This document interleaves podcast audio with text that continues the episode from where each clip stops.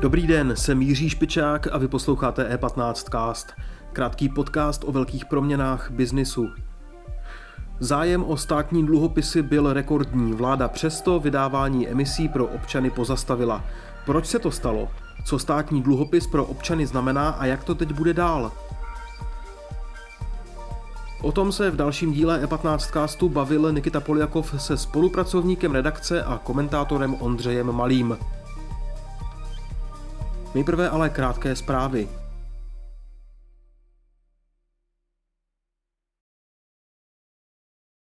Propad hodnoty investice do těžební společnosti Polymetal v řádu vyšších stovek milionů korun. Taková je první penězi měřitelná nesnás finanční skupiny PPF v krizi zmítaném Kazachstánu, kde ruský těžař zlata a stříbra aktivně působí.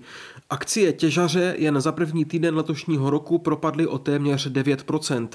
Hodnota v prosinci ještě takřka 7 miliardové investice PPF se tak během několika dnů smrskla o zhruba 630 milionů korun.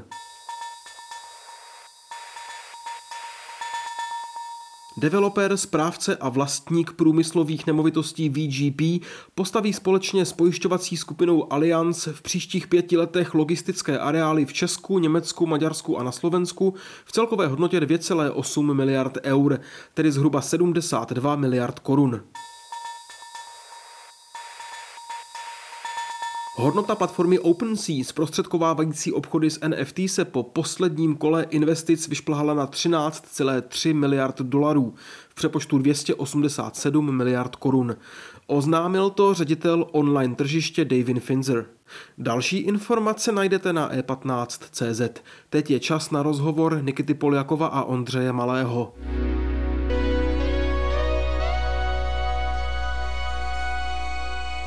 Teď už tu vítám Ondru Malého, spolupracovníka, komentátora Deníku E15. Čau Ondro.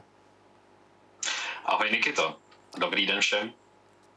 Státní dluhopisy je dnešním tématem. Stát v posledních letech velice vehementně vy, vypisoval, vydával eh, dluhopisy, chlubil se tím. Nová vláda eh, ty emise najednou zastavily. Co se stalo? No jde jenom o dluhopisy pro občany samozřejmě, ne pro dluhopisy obecně. Ehm, stalo se to, že ehm, stát vymyslel produkt a lidi ho kupovali, takže stát ten produkt eh, zastavil, protože ho lidi kupovali moc.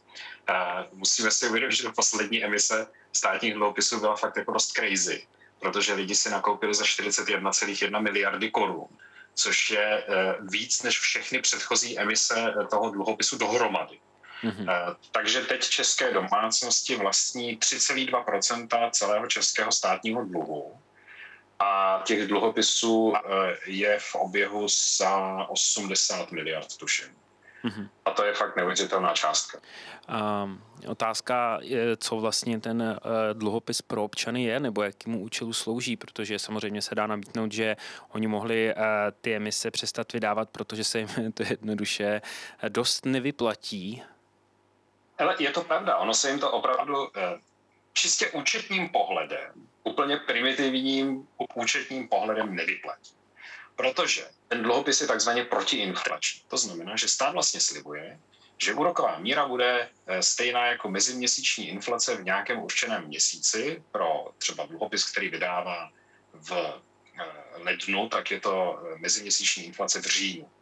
A ta inflace byla v minulém roce, ta vlastně meziroční inflace v měsíci říjnu, byla 6,2 a něco procent. Takže stát vlastně připsal všem majitelům dluhopisů, eh, který, které, které byly vydané 1. 1. 2021, respektive 31. 12. 2020, tak jim vlastně připsal jako tuhle, eh, tenhle úrok krásný na, na účet, což je samozřejmě víc než eh, stavební spoření, spořící účty, termínované vklady a úplně všechny produkty klasické spořící, které nabízí české banky. A stát je bezkonkurenčně v tomhle nejlepší spořitel. Na druhou stranu, eh, běžná úroková míra, kterou nabízí státní dluhopis běžně na trhu, který si můžou koupit institucionální investoři, prostě klasicky banky a fondy a podobně, tak je jako asi poloviční, možná ještě nižší.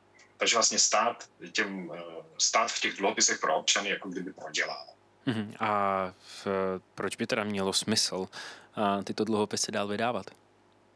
No, protože ten účetní pohled jako není jediný pohled, který by mělo ministerstvo financí jako uh, politický orgán řízený politikem mít. Musí mít i ten politický pohled.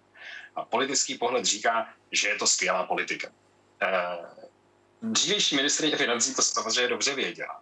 Takže ještě minulý rok na Vánoce na Facebook dala fantastické video, který doporučuji všem, aby si dohledali, kde v minutu a půl trvajícím videu mávala fyzicky dluhopisem, opravdovým papírem a říkala, dědečkové, babičky, kupujte to svým vnoučatům. Je představa toho trezoru a, a ten Scrooge McDuck, eh, který vkládá Přesně akcie tak. papírové do trezoru.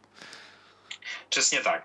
A e, nejlepší na tom je, že to, že je to vážně dobrá politika, tak si uvědomují i e, jako velice zkušení expolitici. Například Miroslav Kalousek napsal e, ve čtvrtek večer na Twitter, ve čtvrtek odpoledne na Twitter, že, že ho mrzí pozastavení vydávání dluhopisů pro domácnosti. Nevidím důvod, aby na správě státního dluhu vydělávali jenom velké finanční korporace. Je fér umožnit to i českým domácnostem. Což je přesně jedna z věcí, která je důležitá. Ty, ty za, vlastně zapojíš co nejvíc lidí, co nejvíc domácností, co nejvíc drobných investorů do uh, té obsluhy státního dluhu, do, do toho, že oni budou potom možná cítit větší sounáležitost třeba s tím státem. Jo. To zní strašně teoreticky, ale konec konců jako jako když, když vlastníš kus dluhu České republiky, tak je to, tak to prostě může... Přesně, radši to mě rád tu, ten stát. Třeba. Národní cítění. Přesně tak, radši mě ten stát rád, aby se neospal. Přesně tak. Takže pak taky třeba musíš dostat ty své peníze zpátky. I když samozřejmě tohle nehrozí, ta, ta investice jako pravděpodobně nejvíc garantovaná, ač jako formálně negarantovaná, ale je to pravděpodobně jako nejistější investice v České republice. Mm-hmm. Která teď už teda bohužel samozřejmě nebude, Eh, protože ministerstvo financí se rozhodlo eh, ten program pozastavit a možná, že ho pozastaví na delší dobu. Uh-huh. A ještě dotaz k tomu, co by mohl ten stát dělat. Eh, ty říkáš, že ty a Kalousek teda říkáte, že, že, to nemá, že to nemá smysl zastavovat. Jedná se ne, o politikum částečně. Ne, ne, ne, nemohla by být teda jako na programu dne nějaká revize toho systému? To si, to si upřímně myslím, že to ministerstvo mělo udělat. Ty podmínky jsou jako neuvěřitelně volné a neuvěřitelně atraktivní několik, nejenom tou úrokovou sazbou.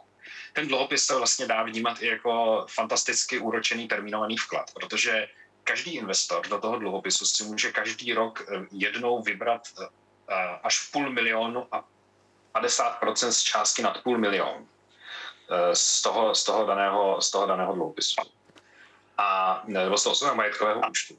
A e, Navíc těch dluhopisů je možné koupit až e, za 50 milionů v jednom tom upisovacím období, což je strašně moc. Jo.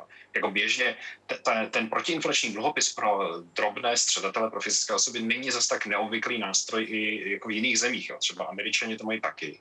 Ale ti omezují e, ročně nákup těchto dluhopisů na, jedno, na jednoho občana na 10 tisíc dolarů, což jako je dramaticky níž než samozřejmě jako našich 50, eh, 50 milionů. To znamená, že tady jako klidně můžou být lidi, kteří prostě mají jako fakt hodně keše a dali to teďka do těch dluhopisů, dali tam třeba těch 50 milionů. Nevím, jestli taky existují, ale rozhodně prostě si myslím, že třeba těch 50 milionů je až moc, no by stačil klidně dva.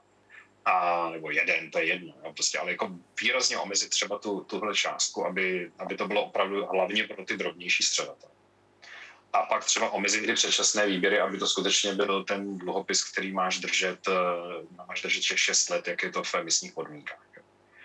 Ale to zastavení vlastně zrovna v současné době jako nepřispívá ani k tomu, k té důvěře vlastně v to, v to ministerstvo, jo? protože ono marketovalo, i když jako bývalá ministrině, ale vlastně nějaká kontinuita tam je, tak ono, ten marketing vlastně byl, eh, tohle je ta dobrá ochrana vašich úspor před inflací, a teď přišla inflace a oni říkají, její danáčky, tak eh, teď už to musíme zastavit, protože až moc chráníme vaše úspory před inflací, tak čau, běžte to dát někam jinam. Hmm. A e, přiznejme si, že jako ty, ty ostatní produkty, vlastně, který, eh, který se tu nabízí jakoby pro, pro hodně konzervativní středatele, což ty Češi jsou, tak jsou jako úplně tragický. Jo. Všechny spořící účty stojí jako za, nestojí za nic. E, ten stavební spoření je, je strašlivý, je to strašný, naprosto. to samý jo, jako jako ano, samozřejmě ideální je prostě pořídit si nějakou, eh, nějakou brokerskou aplikaci a investovat do nějakých ETF, e ale tohle zase taky jako není úplně pro jako lidi, kteří jsou třeba před důchodem a chtějí se ještě chvíli spořit. Hmm. Pro ty třeba podle mě byly státní dluhopisy, fakt jako tyhle protiinflační státní dluhopisy zrovna pro ně byly úplně skvělý produkt. No, uvidíme, co se bude se státním dluhopisem pro občany dít dál. Londro, díky za tvůj čas a za takovou krátkou analýzu. Taky díky a přeju hezký den. Díky za poslech. E15 Cast můžete poslouchat každé všední ráno ve všech podcastových aplikacích a na webu e15.cz.